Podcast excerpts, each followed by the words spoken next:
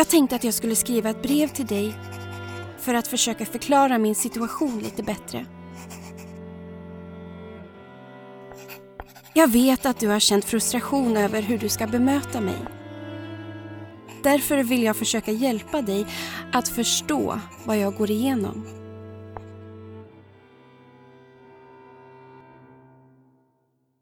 Jag är någon du känner. Någon du tycker om. Vad jag heter eller hur gammal jag är eller vilket pronomen jag använder är skitsamma. Jag står dig nära. Du vet vem jag är för dig.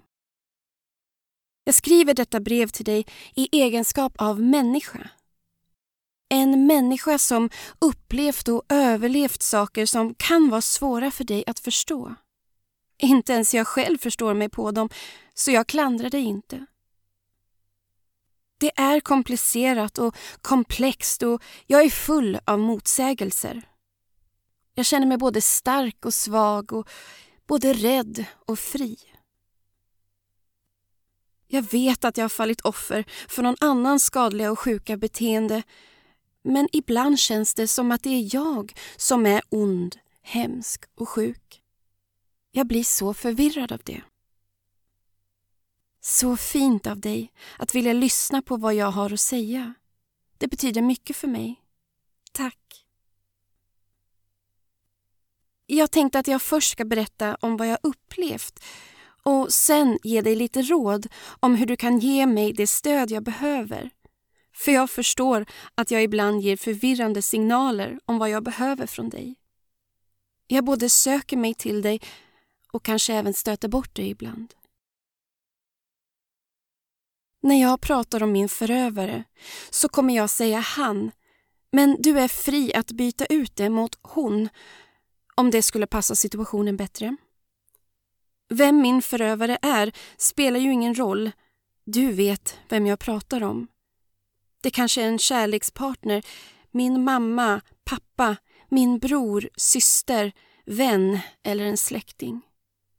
Och du, du kanske är min mamma, min pappa, min vän. Kanske är du min nya partner eller en bror eller syster. Och när jag pratar om relationen som jag nu har tagit mig ur är det viktigt att betona att det egentligen inte är en relation eller ett förhållande som innefattar två människor som bidrar med lika mycket. Nej, det är ett trauma. Det har varit en fälla. Och även om en nära relation innefattar kärlek så handlade vår relation aldrig om kärlek utan om makt och kontroll. Alltså om hans makt och kontroll och min avsaknad av det. Mitt band till förövaren är fortfarande mycket starkt även efter jag lämnat.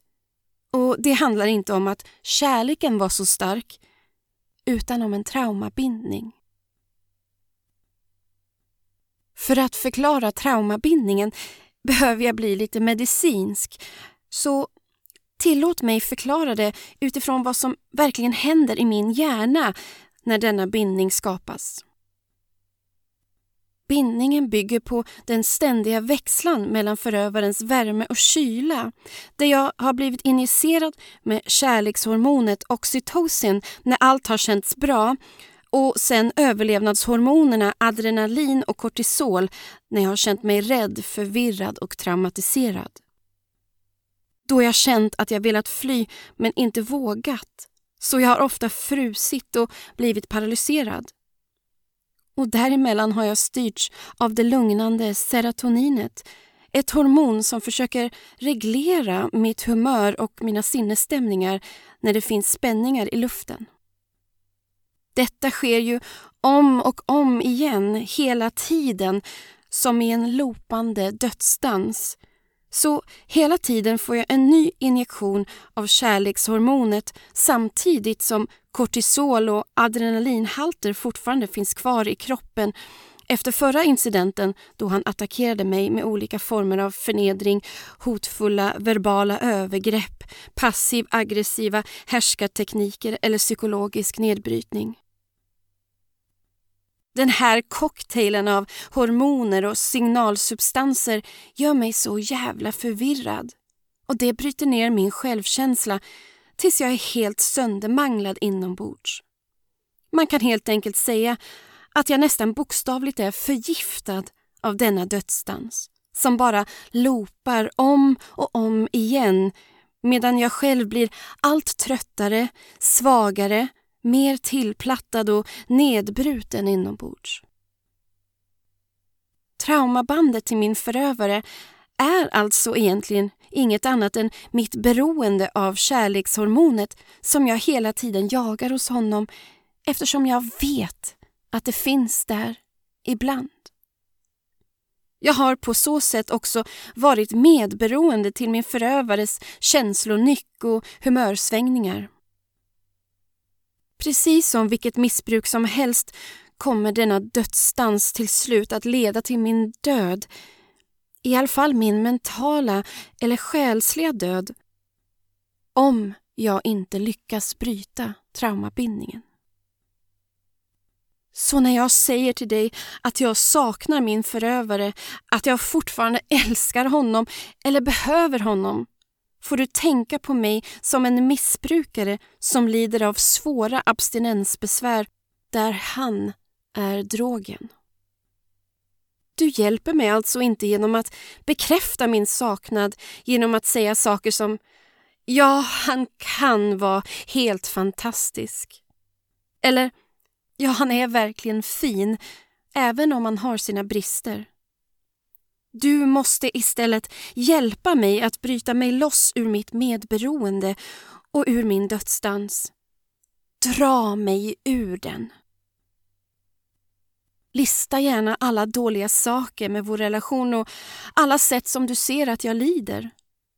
Kanske kan du också läsa på lite om hur man hanterar personer som lider av ett beroende eller ett medberoende.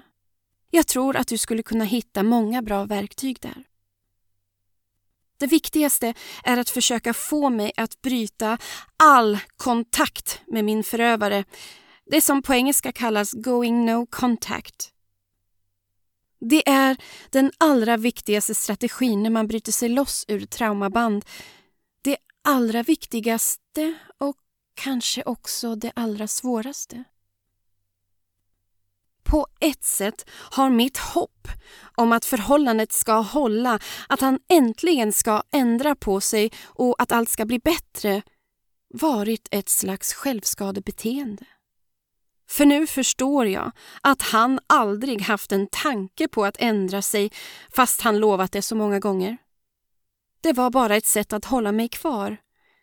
Kvar i fällan, kvar i traumabandet där jag utnyttjades för att han skulle kunna utöva makt och kontroll samtidigt som jag gav honom min kärlek. Så mitt hopp var en illusion, en dröm om något som aldrig hade chans att bli sant. Jag jagade en fantasi i en evig loop, som en orm som biter sig själv i svansen. Det är inte lätt för mig att erkänna det här för mig själv, eller för dig och andra, att man faktiskt har blivit lurad. Att man levt i någon slags fantasi och att man har förlorat så mycket på vägen. Tid, år, tårar, ork energi och till och med hår som jag tappat av all stress.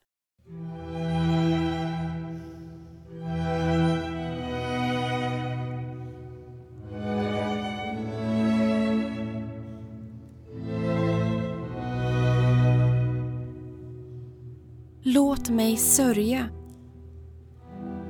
Vara ledsen, förtvivlad och förbannad. Det är okej. Okay. Jag behöver få ur det ur mitt system. Istället för ett normalt sorgarbete som kommer efter ett hälsosamt förhållande tagit slut så är mitt efterarbete ett komplext nystan av sorg, ilska, rädsla, kärlek, hat och förvirring. Det är komplext för jag har faktiskt utsatts för en hjärntvätt, en manipulation, ett mönster av små och stora trauman som liksom smög sig på, på ett sätt där jag inte ens uppfattade som trauman. Ofta i form av små plötsliga attacker som utlöste antingen en chock eller skam, skuld och förvirring hos mig. Menade han verkligen det där? Varför sa han så? Varför gjorde han så där? Varför blir han ibland så elak? Varför blir det så konstigt ibland? Varför blir det aldrig bättre? Och den största förvirringen kanske är frågan Vad är det jag har upplevt?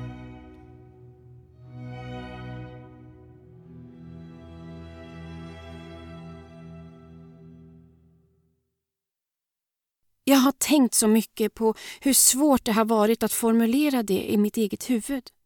För jag har insett att det finns hål i det svenska språket. På många sätt har jag inte ens förstått att det jag upplevt var våld eller misshandel eftersom jag inte tänkt på det som det.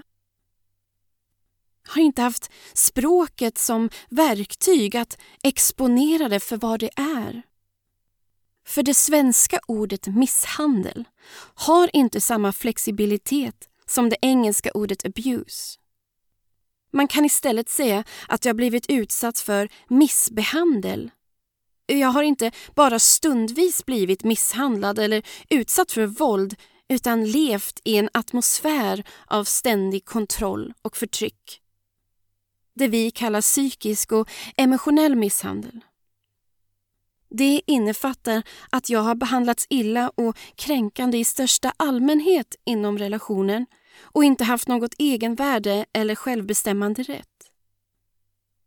Jag har inte behandlats med respekt, hänsyn eller ens som en människa med rätt till egna gränser eller integritet utan blivit missbehandlad i stort och smått, uttalat och outtalat.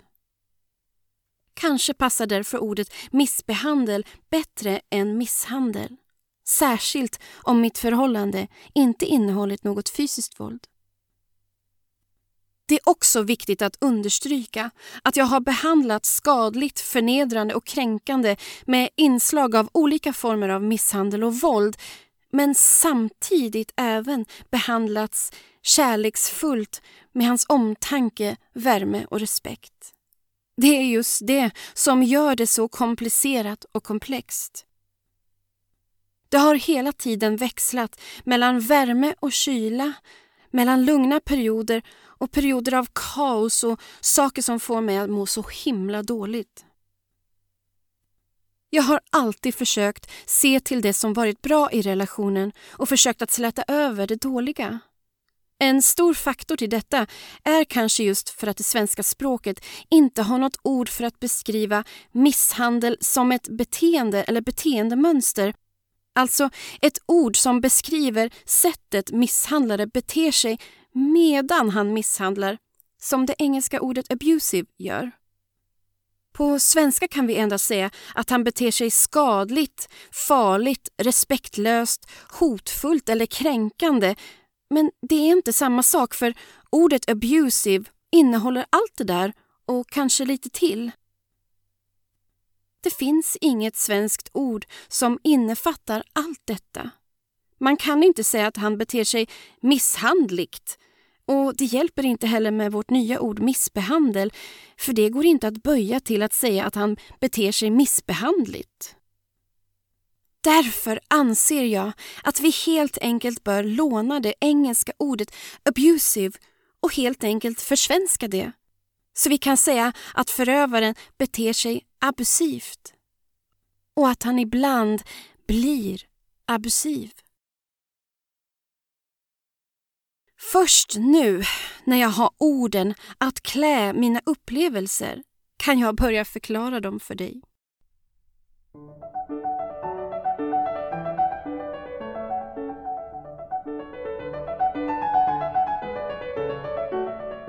Kanske hör mig prata i främmande termer som gaslighting och narcissism. Och termen narcissistisk misshandel, vad sjutton är det, undrar du? Jag förstår att det kan bli förvirrande. Självklart. Det saknas så mycket kunskap om psykisk misshandel och narcissism så att narcissister i lugn och ro kan förstöra oss som råkar komma i deras väg. Det är det jag vill förändra genom att prata om det med dig. Kanske kan du också föra kunskapen vidare till andra. Så vi kanske kan göra det svårare för narcissister att fortsätta förstöra fler människoliv.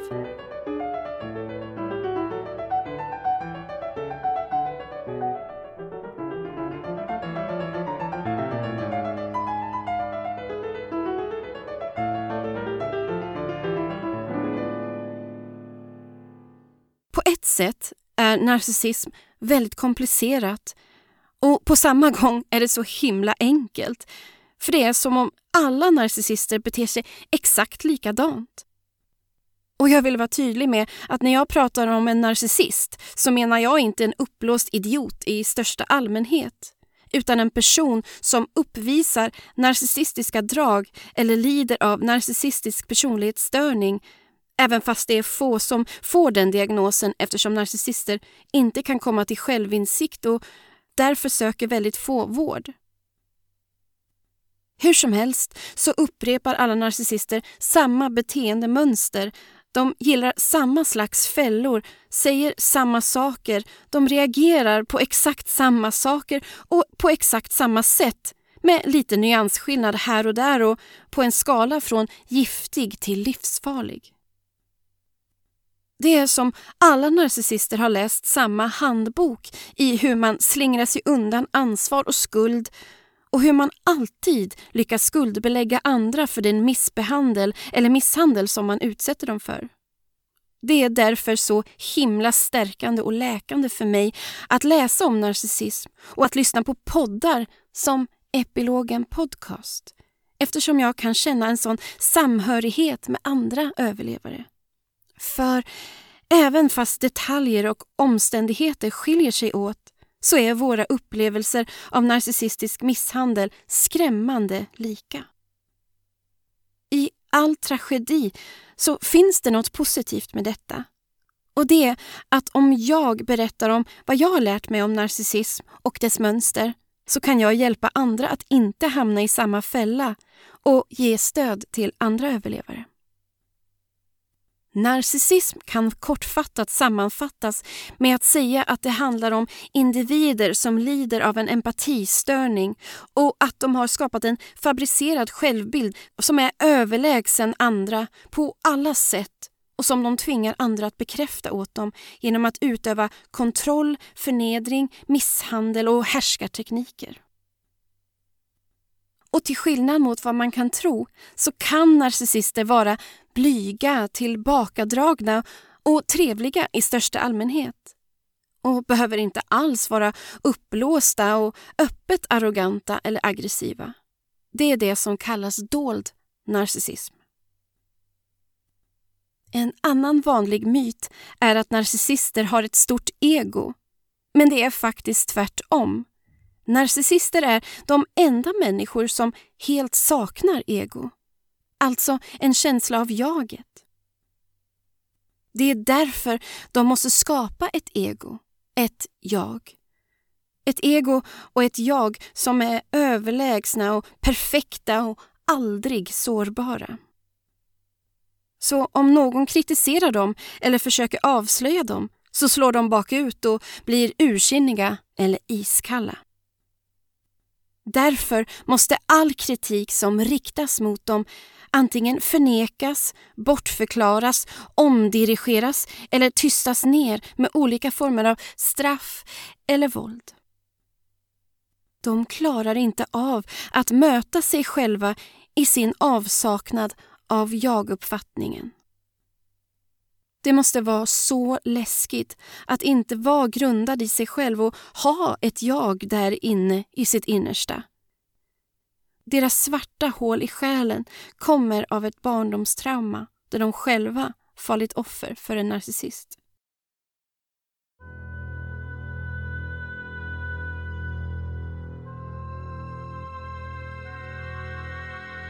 Det viktigaste i hela världen för en narcissist är inte deras barn, eller partner eller familj. Det är att upprätthålla sin falska självbild och känsla av makt och kontroll.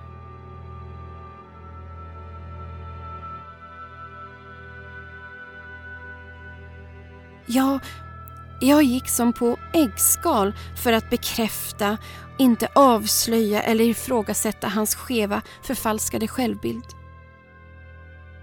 Och ofta behövde jag försvara hans självuppfattning när andra ifrågasatte honom. Jag skyddade alltid honom och hans självbild medan jag själv förlorade min egen.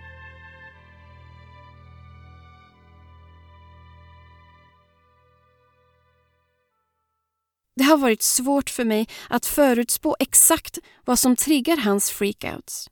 Men jag har nu förstått att det är både stort och smått. Eftersom hans självbild går ut på att vara överlägsen och alltid den som har rätt, vet mest och den enda som är i position att bestämma över mig, vår relation och alla situationer och beslut, så betyder ju det att jag måste finna mig i att vara underlägsen. Jag måste därför sluta sträva efter att vara självständig i mitt beslutsfattande och i mitt sätt att tänka. Det kan vara både stora och små beslut. Till exempel, om jag kokar spaghetti så måste jag be honom plocka ut rätt mängd spaghetti ur förpackningen.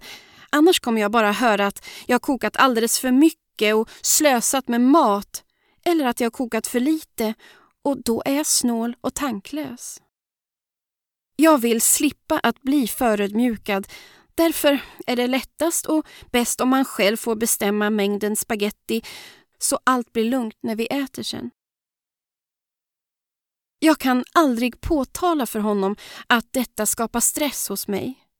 Eller att jag upplever hans reaktioner som skadliga eller att jag mår dåligt av känslan av att aldrig kunna göra rätt när jag gör någonting själv utan hans hjälp eller direktiv. För då använder han härskartekniker som alla går ut på att skuldbelägga mig och frigöra sig själv från all kritik, allt ansvar och all skam och skuld. Han förnekar sitt beteende, skyller allt på mig och säger att jag överdriver, att jag är grälsjuk, överkänslig, kontrollerande, otacksam, krävande eller rent av galen och psykiskt sjuk. Det är detta som kallas gaslighting. Att kontrollera min verklighetsuppfattning av vad jag upplevt eller upplever så att jag börjar ifrågasätta min egen förmåga att tänka, känna och förstå. Så att jag till slut börjar tro att det är mig det är fel på. Att det är jag som är förövaren och att det är jag som är problemet i vår relation. Mitt riktiga jag suddas då ut och ersätts med hans reflektion. Han blir då offret för min kritik och jag blir förövaren så fort jag kritiserar. Jag förlorar mig själv och blir svag i mina konturer och då blir jag ännu lättare att kontrollera. Det är lite som när en insekt injicerar sitt gift för att skapa en paralysering innan den i lugn och ro kan döda och äta upp sitt byte. Det är hemskt och så väldigt skrämmande att uppleva. Att lämna relationen blir därför mycket svårt. Jag äger ju inte min verklighetsuppfattning och är i ett paralyserat läge rent mentalt. Jag är inte mig själv och har svårt att ta mina egna beslut och mitt hopp om att allt ska bli bättre håller mig kvar i traumabandet.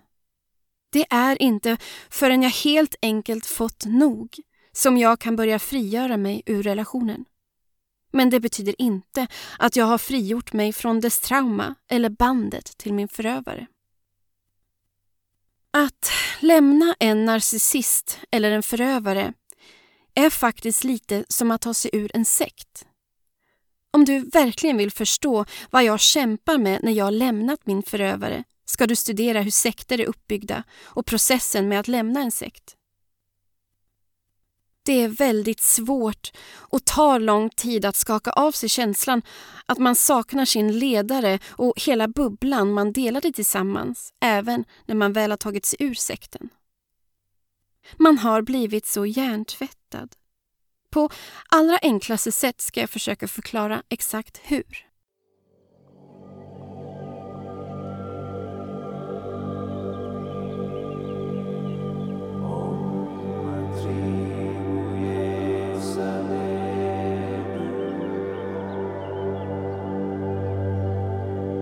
I en sekt finns en auktoritär ledare som har absolut makt. Ledaren har alltid rätt. Och det är bara hans sätt, hans vilja, åsikt och lag som gäller. Han styr andras verklighetsuppfattning, självbild och beteende med kontroll och ständiga utdelningar av straff och belöning.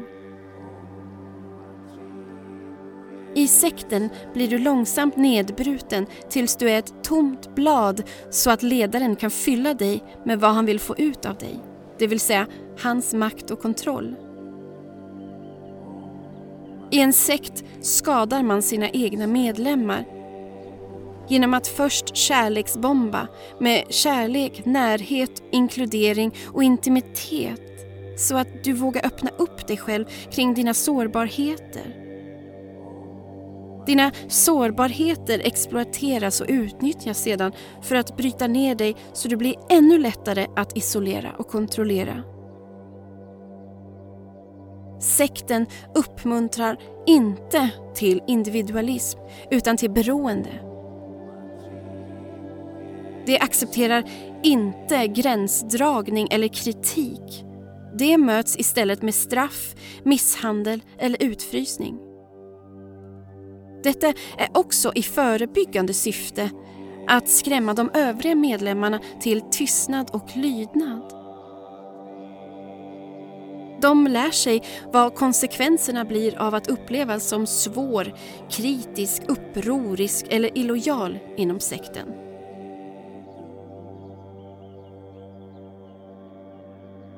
Men om du till slut hittar modet och styrkan att lämna sekten försöker de förstöra ditt rykte eller smutsa ner din trovärdighet för att kunna behålla sin image och sin dynamik. Allt som krävs för att upprätthålla ledarens totala makt och kontroll som de upplever som det enda verkliga och riktiga sättet att vara, tänka, tycka och leva efter.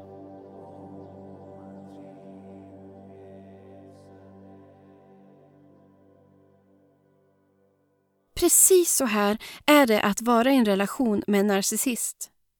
Därför tar det oerhört mycket mod och styrka att bryta sig loss.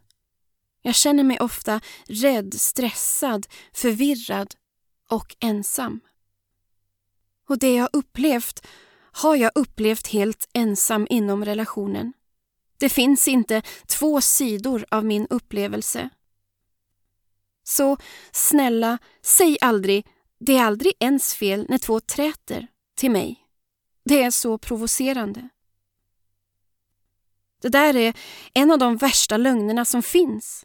Med den logiken kan ju inga förövare ställas till svars för sitt agerande. Det är en farlig lögn eftersom det osynliggör oss offer och samtidigt lägger halva skulden på oss. Det där med att det är aldrig ens fel när två träter gäller endast i konflikter. Och det jag har upplevt är inte en konflikt. Visst var relationen fylld med både stora och små konflikter men det jag utsatts för är ett mer subtilt mönster av manipulationer, kontroll och förtryck. En konflikt består i att två relativt jämnstarka parter tar till lika hemska medel för att förstöra för varandra. Det är bägge lika dåliga kolsupare och därför bär de båda skulden för konflikten. Men om ett barn mobbas i skolan för sina sneda tänder skulle du väl inte säga att barnet äger halva skulden för sin egen mobbing eller för att hen har sneda tänder? Det händer ofta dock att lärare försöker lösa mobbingen genom att uppmana de två parterna att skaka hand och vara sams. Detta är i själva verket en kränkning av offret genom att utmåla den som mobbats som lika skyldig som den som mobbat så har man inte bara avvisat konfliktens äkta natur utan man har också förvärrat skadan hos offret. En medlare som behandlar mobbing som en konflikt blir på så sätt en aktiv deltagare i förtrycket. Ett personligt trauma, vare sig det handlar om mobbing, trakasserier eller misshandel, har ett offer och en eller flera förövare. Det finns helt enkelt de som förtrycker och de som blir förtryckta. De är inte jämlikar i en konflikt som de båda försöker vinna. Skillnaden är också att den som blir förtryckt tvingas bära på hela skulden och skammen av att bli utsatt. Jag bär inte ens halva skulden. För tänk så här. Om en främling kommer fram till mig på gatan och slår mig i ansiktet med knytnäven, bär jag då halva skulden bara för att jag råkade vara där? Det är så det är att vara offer för en narcissist.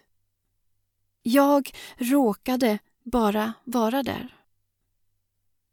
En del säger att vi var två starka personligheter som krockade, men nej, det var en abusiv person och så jag som reagerade starkt på den missbehandel jag utsattes för. Det är inte samma sak och har inget med starka personligheter att göra. Mina starka reaktioner på min förövares beteende har varit högst befogade och normala. Det kan till och med hända att jag utsattes för det som kallas reactive abuse där min förövare medvetet provocerat fram starka reaktioner hos mig för att kunna bevisa för oss båda att det är jag som är aggressiv, abusiv och psykiskt instabil. Att jag aktivt deltagit i den aggressiva tonen i vår relation har alltså varit en del av den missbehandel jag utsatts för. Narcissistisk misshandel skiljer sig en del från så kallad eh, vanlig misshandel i brist på ett bättre uttryck. Medan vanlig misshandel är mer målinriktad så är narcissistisk misshandel mer en biprodukt av det sektliknande mönstret och verklighetsförvanskningen där allt bygger på att twista verkligheten tills den matchar narcissistens önskningar. Jag har blivit hjärntvättad och programmerad hur jag ska tänka, tycka, känna och hur jag inte ska tänka, tycka eller känna. Och det är alltid efter min förövares sätt att tänka, tycka och känna. Jag har därmed också blivit programmerad att avsäga mig min egen identitet och att göra avkall på den jag är och det jag har. Mina talanger, intressen, mina vänner, mina styrkor, mitt intellekt. Jag har blivit berövad på min frihet och min självständighet, på min autonomi. Han har ägt min hjärna och han äger fortfarande så mycket av mina tankar och känslor. Det är som det sitter en pytteliten version av honom inne i mitt huvud och dömer varenda tanke som jag tänker. Som om han observerar allt jag gör hur jag gör det och med vem jag gör det. Så även fast han inte längre är kvar i mitt liv så bor han kvar i mitt huvud. Det är otäckt och gör mig rädd för det känns som jag aldrig kommer bli av med hans närvaro och dömande öga. På ett sätt finns det därför många likheter mellan narcissistisk misshandel och stalking. Han stalkar mig inte i verkligheten, utan jag talar om en inre stalkning. Han stalkar mig genom mina egna tankar. På så sätt kan han behålla sin makt och kontroll över mig även efter vår relation tagit slut.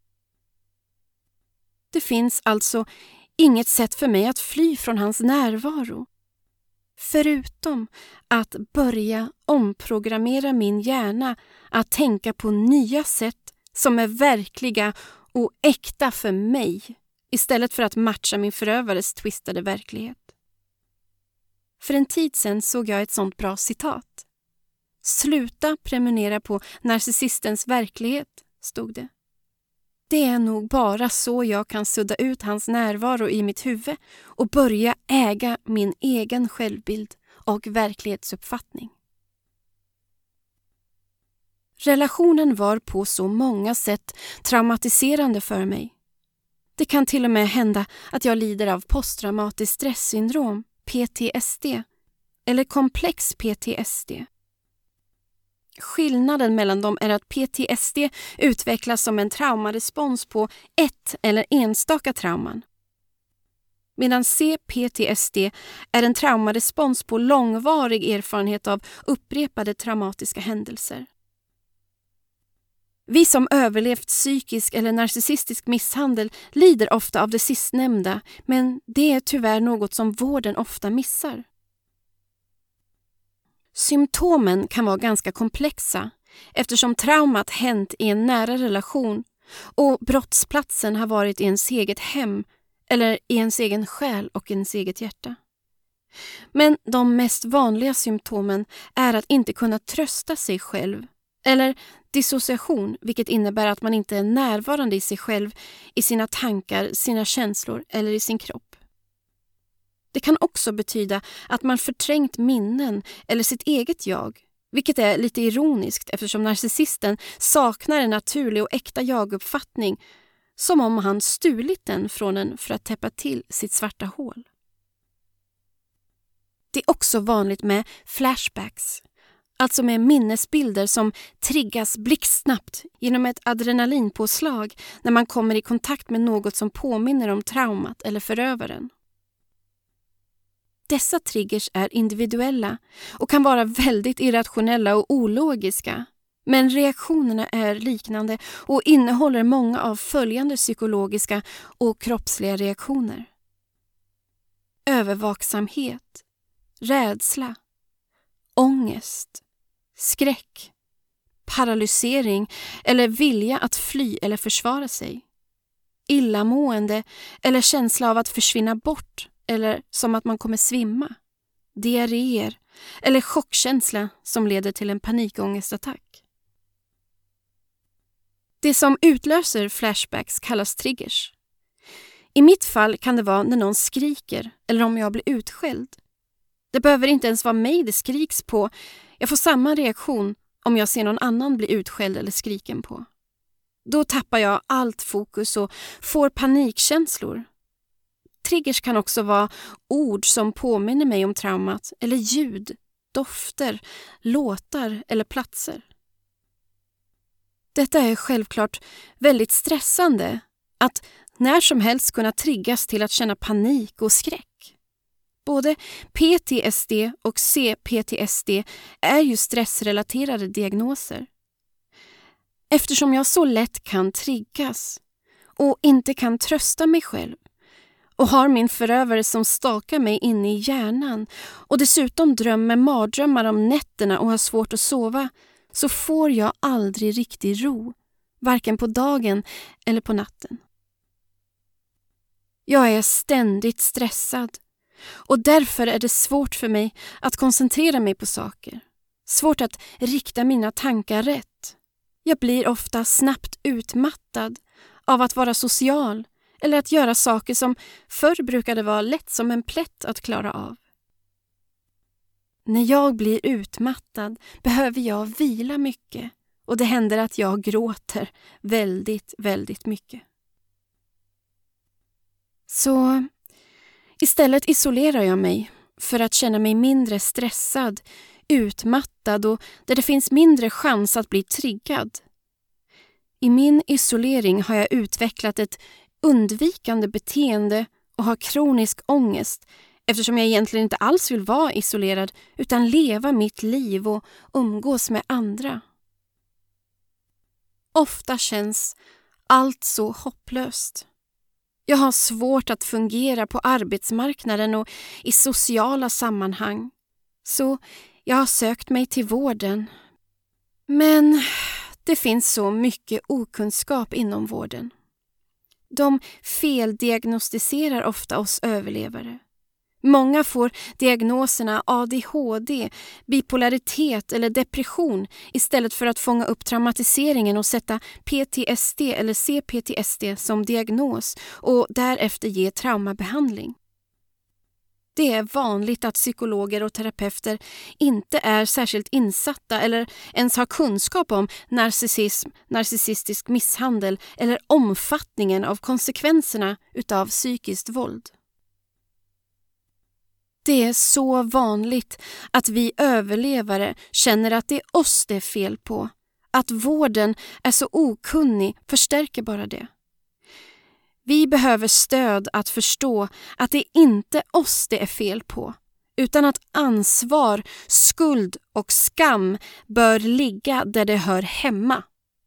Hos förövaren.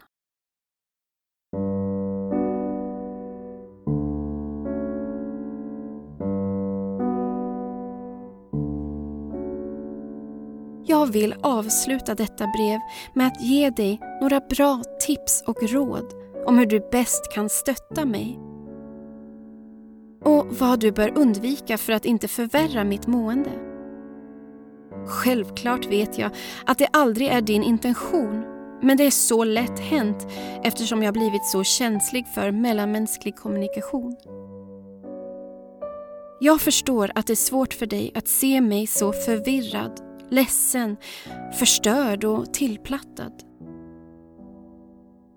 Men om jag känner att du mår dåligt av det jag berättar för dig så kommer jag bara sluta mig i mitt skal för att inte göra dig orolig.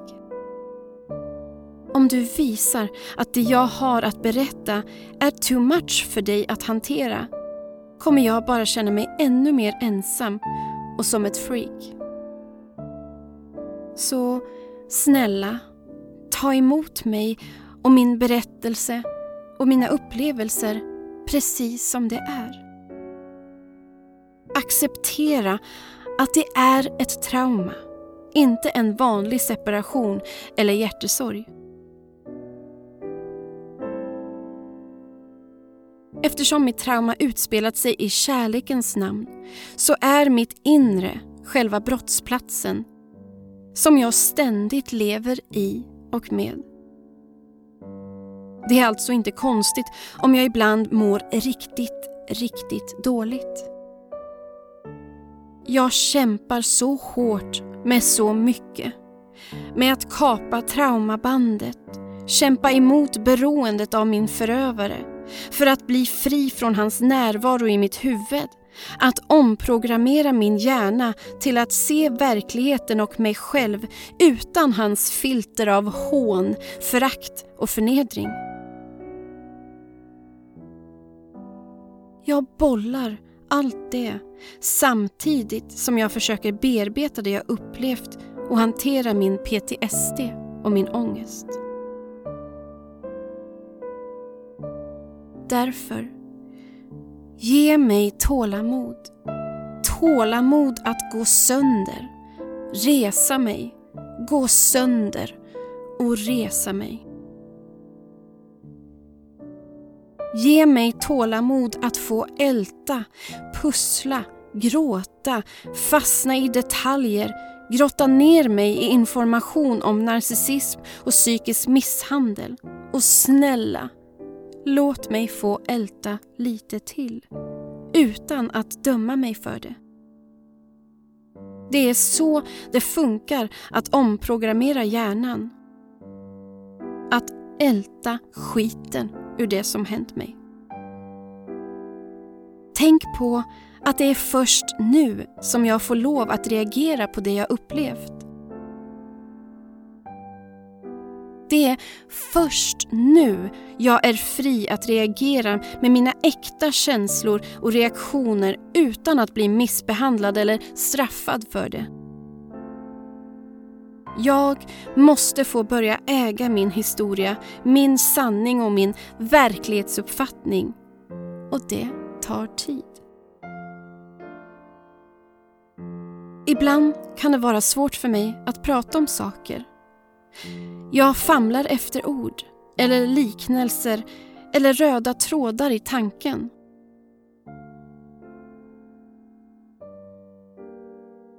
Det är också en sårbarhet för mig att öppna upp mig för någon nära mig. Eftersom det förtroendet gång på gång har utnyttjats och mina sårbarheter har sedan använts emot mig. Tillit är därför mycket svårt för mig, som du kan förstå. Jag har svårt att lita på andra, på mig själv, på livet, kärleken och ibland även på dig. Men ta det inte personligt.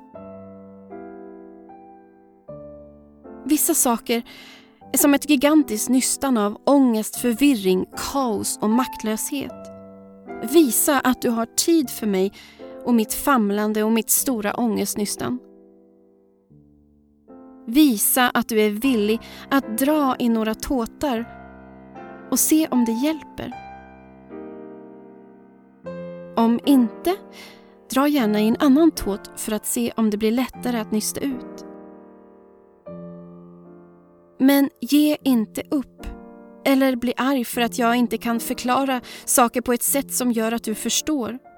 Får jag tid att nysta och famla utan att du blir otålig eller frustrerad kommer jag känna mig trygg. Och trygghet är det jag behöver allra mest just nu. Trygghet, värme, kärlek, förståelse och hänsyn. Lyssna på vad jag har att berätta och acceptera utan att försöka lösa mina problem om jag inte ber om det. Att lyssna är också att bara vara närvarande med mig i stunden. Att vara en stabil pelare för mig att luta mig mot här och nu när jag känner att hela marken gungar under mig. Låt mig också få vara självcentrerad och lite mi-mi-mi det är vanligt att vi överlevare upplevs som narcissistiska efter vi har lämnat en narcissist. Att börja utforska vem man egentligen är, tycker och tänker är en viktig process. Det är så man kan hitta tillbaks till sig själv igen. Så att vara lite självcentrerad är en viktig del av min läkningsprocess. Och även fast jag kanske upplevs som ältande ibland är det också viktigt för mig att känna att jag gör framsteg. Att jag rör mig framåt i mitt ihoppusslande. Jag måste träna på hälsosam gränsdragning. Jag måste lära mig älska mig själv igen och inse mitt värde både inför mig själv och andra. Jag måste jobba hårt på att bygga upp tillit igen tillit till mig själv och andra men också till livet i stort. Jag är fortfarande i ständig katastrofberedskap. Jag måste börja våga släppa in glädjen och inte känna mig självisk när jag mår bra eller när jag känner mig älskad för den jag är och får uppleva friheten att vara mig själv utan att anpassa mig efter andras förväntningar på vem jag måste vara för dem. Om jag inte lär mig att sätta tydliga gränser runt mig själv, om jag inte läker och börjar känna självrespekt så kommer jag troligtvis att dras in i nya destruktiva relationer. Tillåt mig även att börja sätta tydligare gränser inom vår relation utan att du straffar mig för det. Visa mig att jag faktiskt kan utöva autonomi utan att det blir hemska konsekvenser.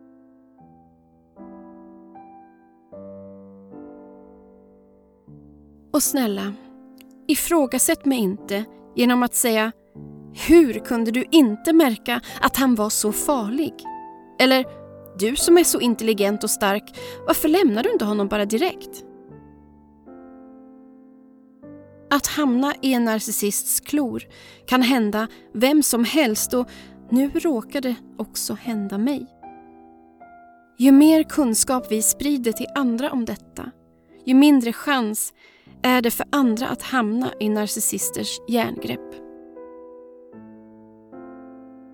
Misstro mig inte genom att säga “men han som var så trevlig har svårt att tro att han skulle kunna göra sådana hemska saker mot dig”. Jag förstår att du är förvirrad. Det är jag också eftersom han ständigt växlade mellan att vara underbar och abusiv. Förminska inte mitt lidande genom att använda toxic positivity.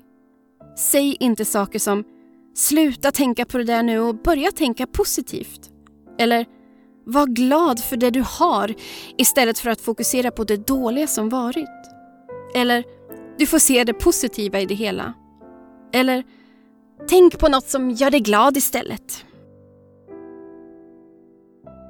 För Låt oss vara uppriktiga med varandra. Det där säger du när du inte riktigt orkar ta emot mitt lidande. Det hjälper mig inte alls i min läkningsprocess. Jag mår inte bättre av ytlig positivitet utan känner bara ännu mer skam över hur dåligt jag faktiskt mår utan att veta hur jag ska kunna må bättre. Säg istället saker som är grundade i ett ärligt och äkta engagemang. Som till exempel “Jag är här och jag lyssnar. Förklara hur du känner.”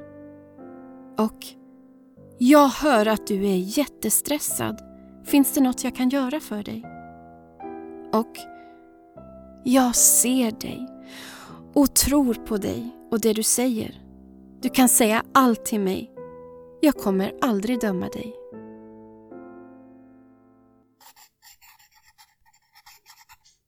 Och nu när jag skriver ner mina sista rader i detta brev så hoppas jag innerligt att jag kunde hjälpa dig lite.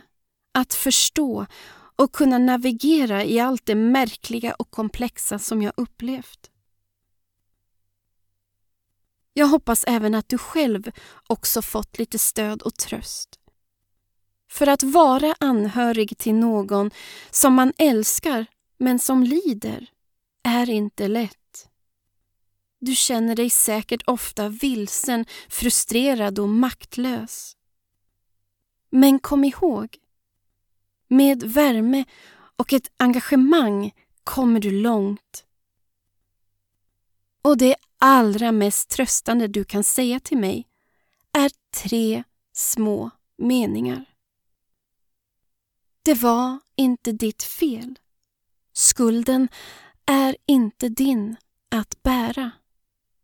Du är inte ensam, för jag är här för dig. Tack för att du har lyssnat på mina ord och för att du finns. Du är viktig för mig och du är behövd för precis den du är även om jag vet att du ibland känner dig otillräcklig. Det är inte så konstigt. Du är ju bara människa, precis som jag. Med all min kärlek från mig.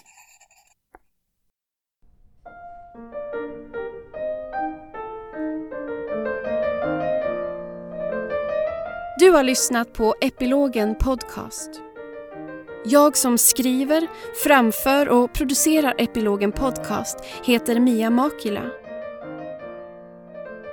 Mer info om mig och Epilogen finns på miamakila.com. Delar av min research till detta avsnitt kommer från forskning av Sam Vaknin.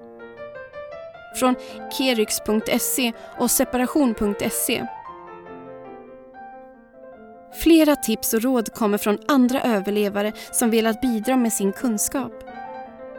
Tusen tack till er och självklart tack till dig som lyssnat.